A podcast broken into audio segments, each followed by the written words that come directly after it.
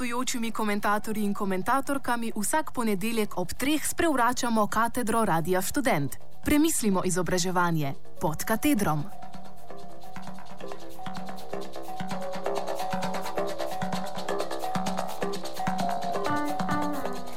Dragi poslušalci, poslušalke, dobrodošli v posebni ediciji oddaje pod katedrom, kjer bomo tokrat kar uživo v etru Radio Student sprevračali katedro in premeševali izobraževanje.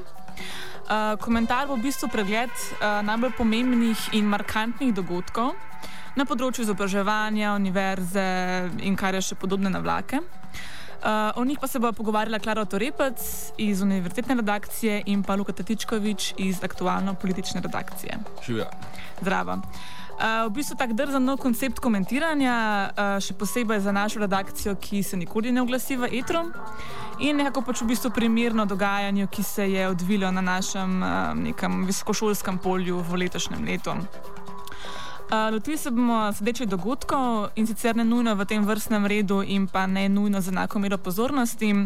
In pa sicer uh, oba predloga zakona o visokem šolstvu, uh, študentske referendume, odhod superministra in pa še nekateri njihovi zadnji ukrepi oziroma dejanja. Um, dogodek Svobodna univerza, volitve novega rektorja, reforma štipendijske politike, pa še kaj se bo našlo zraven tako da, v bistvu, če kar začneva, letos je bilo zelo, zelo pestro dogajanje na področju visokega šolstva. Uh, lahko bi celo rekel, da smo doživeli nek preporod, um, kar se tiče angažmaja, organiziranja, odhodov, prihodov. Um, teh študentov, preproč študentov. Ja, recimo, ampak to si bova zaenkrat, če vzdržala uh, mnenja, je to res preproč. Uh, ker če gledamo, recimo, s čim smo štartali to leto, se pravi januarja, je bila ostaja znanja. Uh, če malo obnovimo, ne, je v bistvu se je šlo za to, da je minister Turk pred prazniki v bistvu napovedal zmanjšanje upisa na razne humanistične, družboslovne, umetniške programe za 20 odstotkov in očitno upal, da bo nek praznični duh uh, poskrbel, da bo to šlo mirno mimo, brez upora. Študenti so seveda razdrobljeni, uh, apatični in pa seveda v prazničnem duhu ne bodo nič naredili. Ne? Nekaj karikiram, kako slabo so bili obveščeni o tem. Na filozofski fakulteti so šele tutori po novem letu, ko so jih študenti spraševali o tem, uh, kakšne so možnosti za sporedni in zaporedni študij, odkrili, pač, ko so prebirali dokumente, da je vlada to dejansko spremenila. Ja, tudi to je bila v bistvu ena zelo boleča, po moje, stvar. Uh, ki je to ministrstvo ukinilo, in današnje, oziroma ta nova zasedba, sploh še ni, kljub obljubam, tega nazaj vrnila. V bistvu, no. Nekako uh, bistvu, ukinitev sporednega in zaporednega študija, brezplačnega, ostaja neka taka boleča točka, ki je do danes ni bila razrešena. Um, ampak, če pogledamo te proteste, ne, v bistvu uh, se je ministrstvo malo štelo, ker je ta nek uh, splošni protestniški duh. V tistem času uh, še od, pač od raznih ustav poskrbel, da študenti so takrat se nekako zbrali protestniško. Tudi v bistvu decembra so že protestirali uh, ta znana človeška verika okoli parlamenta. Ampak temu bi recimo takrat težko rekel, da se je začel nek uh, širši angažma strani študentov na tem področju. Mislim, pa moje takrat še ne moramo govoriti, da se je javnost nasplošno mobilizirala v smeri ohranitve nekega javnega, kvalitetnega šolstva. Ja, večni problem smo vedno imeli, da so študenti, imajo svoje, mislim, profesori imajo svoje interese, ki so razmeroma različni od študentskih.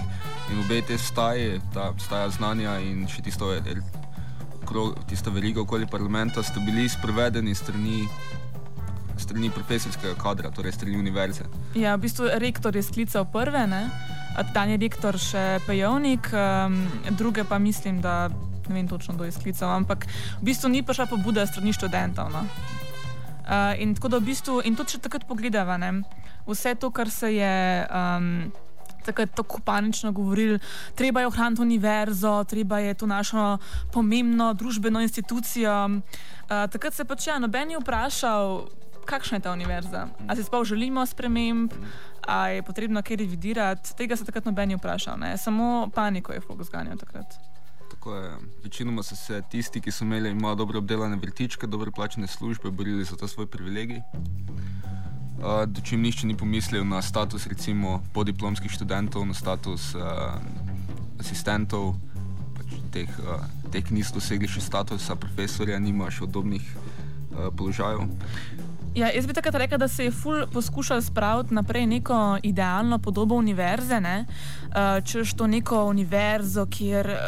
Na, trupe, na, na trume študentov sedi v nekih takih uh, predavalnicah v neogotskem eh, stilu, uh, kjer vsak prosti moment namenjajo prebiranju filozofskih spisov in potem uh, se to pač debatira vročekrno na predavanjih, kjer so vsi seznanjeni z najnovejšimi teorijami oziroma razpravljajo ure in ure uh, še o nekih ne vem, ključnih. Uh, premislekov o družbi, um, ta neka ta idealna podoba univerze, ki de facto nikoli ni obstajala. Da, vam prislikati malo bolj realno podobo univerze. Uh, pravzaprav to ni nič kaj Humboldtovskega, torej skupno študentov in eh, profesorjev. Profesori, študenti so v impotentnem študentskem svetu, ki zgolj poda mnenje k habilitaciji profesorjem, ki sploh ni upoštevano in ne rabi biti upoštevano. Uh, potem uh, predavajo asistenti, ki so v prekarni obliki delovne zaposlitve, uh, medtem pa profesori apropirirajo pač njihove znanstvene preboje, če naj se tako izrazimo.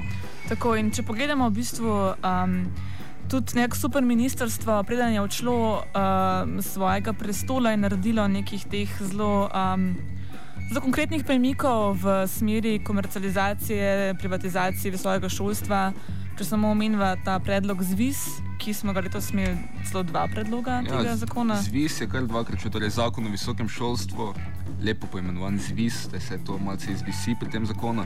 Zdaj, kot vemo, prvi zakon o visokem šolstvu je zelo grobo povedano, saj je bil tudi zelo grob. Uh, principu uvajal. Uh, je jemal denar zasebnim zav javnim zavodom in ga v obliki koncesij dajal zasebnim zavodom. Tu je tukaj bilo veliko prijateljskih vez, veliko, tudi sekretar Rončevič si je ustvarjal svojo fakulteto. Naprimer, in to je bilo vse zelo očitno. Ne? Pač nekako ni presenetljivo, da v splošnem protijanševskem sentimentu je kasneje ta zakon padel, čeprav je bil podobno kot ta zdaj, sprva, skušan, sprva so ga skušali izpeljati brez širše javne razprave, kar jim na koncu ni uspelo. Um, Pa pa prijemo do tega malce bolj zanimivega, tega drugega zavod, eh, zakona, ki ga uvajajo levičarska, eh, principu socialdemokrati.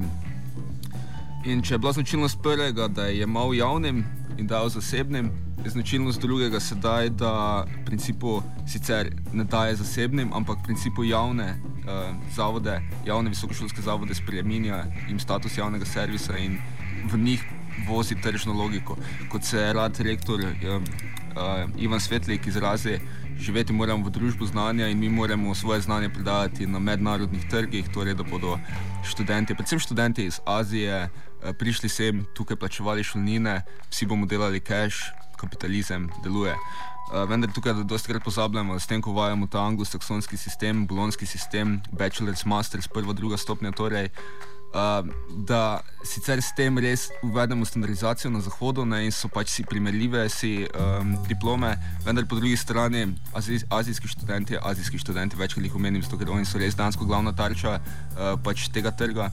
Uh, gredo v anglosaksonski svet verjetno bolj zaradi jezika, ne zaradi tega, ker, ker je tam izobrazba kvalitetnejša ali kakršno koli, ampak ker si je pač prenos jezika, mm -hmm. ker je nosilec jezik. Je, veliko primernejši. Se, če želiš omeniti, kar si jih omenil, novega rektorja, ne, v bistvu um, že same volitve, če mogoče skočimo na to temo, so bile zelo zasnovane, kot ja, izberemo slabo ali pa še slabše. Uh, takrat je rektor, demokracija, hurray.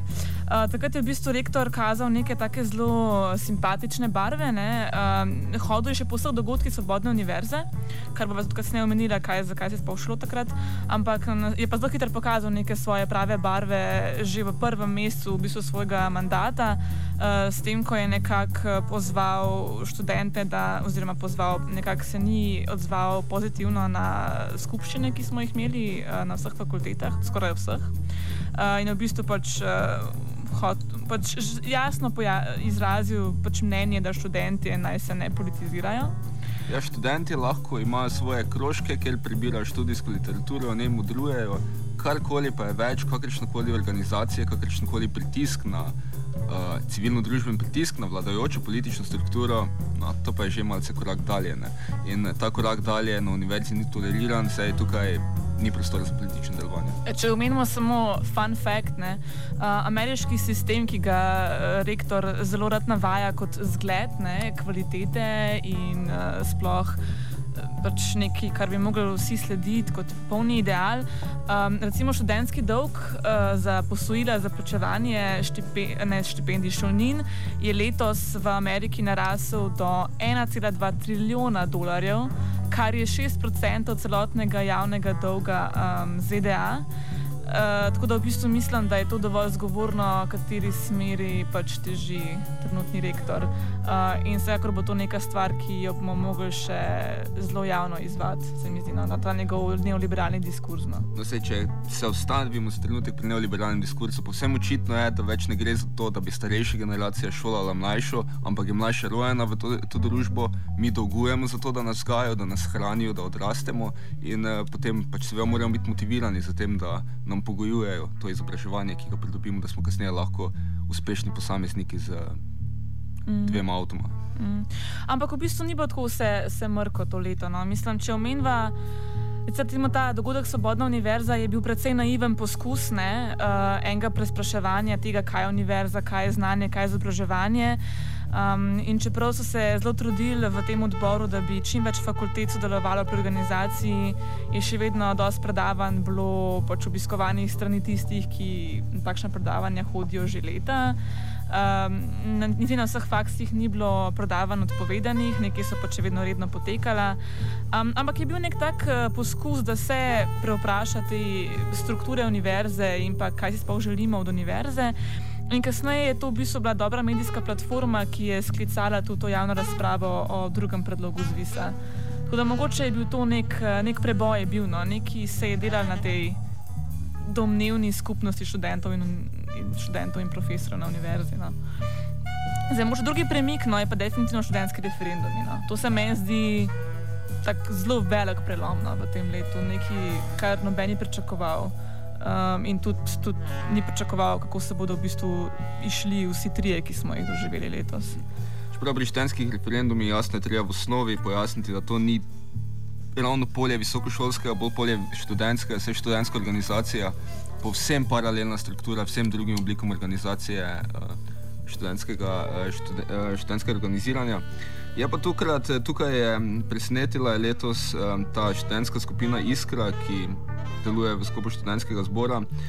Uh, in je prvič, v, verjetno prvič v zgodovini študentskega organiziranja, da je v to organiziranje prineslo pač moč javnosti, torej da je razblinila to prakso arkanskega odločanja, ki temelji v tem, jaz nabavim bruce na začetku vsake dve leti in pripravim štiri zabave, potem pa pozabim celo generacijo vseh študentov in sprejemam svoje odločitve, ki bom morda investicija v hotelsko dejavnost. No, in prvi referendum je bil posvečen ravno študentskemu hotelu, ki je kasneje zaradi pravnega trika ta referendum padel, oziroma sklepov hotela je padel. Ne bomo šli v te podrobnosti. Kasneje pa so se zvrstila še dva referenduma, eno od poslanske skupine povezane, ki je bil pač predvsej neoliberalno agendo predstavil, ne, torej organizirati študentsko organizacijo po vzoru vidke države z outsourcenim računovodstvom, drugi pa je bil zelo ambiciozen projekt Iskre, da bi uvedla nov statut in popolnoma reformirala, strukturno reformirala šov v takšni demokratični in malce bolj socialistični maniri. Um, in tukaj je v bistvu bil nek tak moment politizacije. No? Mogoče ja. študentov, ker konc, če pogledamo udeležbo, prvi referendum, ki ga je iskal, sklicaja 300 udeležencev, tam približno 300, uh, tretji pa v bistvu že skoraj 6000. Tukaj so bili neki in tudi, recimo, tudi mainstream mediji so začeli nekako go, previdno govoriti o neki novi, novem angažmaju študentov, neko prebujanje. Zdaj to je mogoče malo še prekmalo rečno, ampak je bil pa nek momentum. No, no številke govorijo, pač 93 odstotkov jih je volilo za, pa volilo jih je pač 5800, s čimer niso dosegli kvoruma 10 tisoč študentov, ki bi bil potreben za to, da je bil obvezujoč. Torej, definitivno je nekdo mobiliziral velike množice študentov. Zdaj, um, če mogoče, um, da ne bo predolga, no, za konec, kaj bi sploh pač povzela o dogajanju? Mislim, bilo je burno, mislim, da že dolg časa nismo doživeli tega prelomnega leta. No. V bistvu, post-apokaliptično leto, ne, se pravi po koncu sveta. Očitno ni konca sveta. Ne. Ja, se pa, so se pa zgodili neki, neki premiki, so se eno. A bomo govorili o koncu sveta, kot ga poznamo, ne bomo še govorili. Ne bomo še ne, ne prehitro, ampak poč, kaj, kaj bi recimo rekel, neko tako zaključno misel? Ja, um, če se spomnimo, leta 2011 smo imeli gibanje Okupaj, ki je bil prvi spontani vznik nekega kritične oziroma uporniške zavesti. Ne. V sklopu leta 2012 je bila tudi zasedba filozofske fakultete, eh, kjer se je artikulirala misma univerza. Eh, potem pa, ko so prišli v v 2012 je bilo neko zatišje, takrat je delovala iskra, se borila za, za um, to, da pride v študentski zbor. Zdaj v letu 2013 pa smo doživeli kar precej zelo, samo, pač zelo samostojnih, uh, iz lastne intence izbirajočih uh, momentov. Uh -huh. Jaz bi samo to mogoče rekla, da v bistvu po vseh teh okornih poskusih, kot so razni protesti, pa, pa recimo tudi neki dogodki Svobodna univerza, ki, ki sicer so bili čisto simpatični, ampak niso bili lih eman, emanci, emancipatorni. Um, dejansko se je, recimo, po mojem, lih s tem zvisom. Uh, na zadnjo razpravo javno, končno v javnost spravili neka temeljna vprašanja, izobraževanje, uh, znanje, pač dostopnost do študija uh, in da pač očitno obstajajo neki posamezniki v slovenski družbi, ki so zelo glasni uh, in ki še bodo glasni v prihodnjih, um, ne vem, prihajajočem letu. Uh, tako da v bistvu lahko samo upamo, da je to mogoče začetek enega širšega, kontinuiranega gibanja v smeri ohranitve javnega šolstva in pa nekega kvalitetnega izobraževanja. Ja, upamo, da bodo dovolj glasni, pa da bodo govorili dovolj smiselne reči, da jim bo kdo dejansko prisluhnil in tudi sam začel govoriti o teh stvarih. Tako. Uh, mislim, da bo to za danes vse. Še enkrat lepo zdrav, uh, se pravi Klara Otorepec iz univerzitetne redakcije in pa uh, Luka Tiškovič. A to je temu se reče pod katedrom? Pod katedrom. Ja, zdaj grejo pod katedrom. To se pa odmenilo. No, Lukas Tičkovič iz Apera. Te cučkovice tudi posotrine. Kjerkva.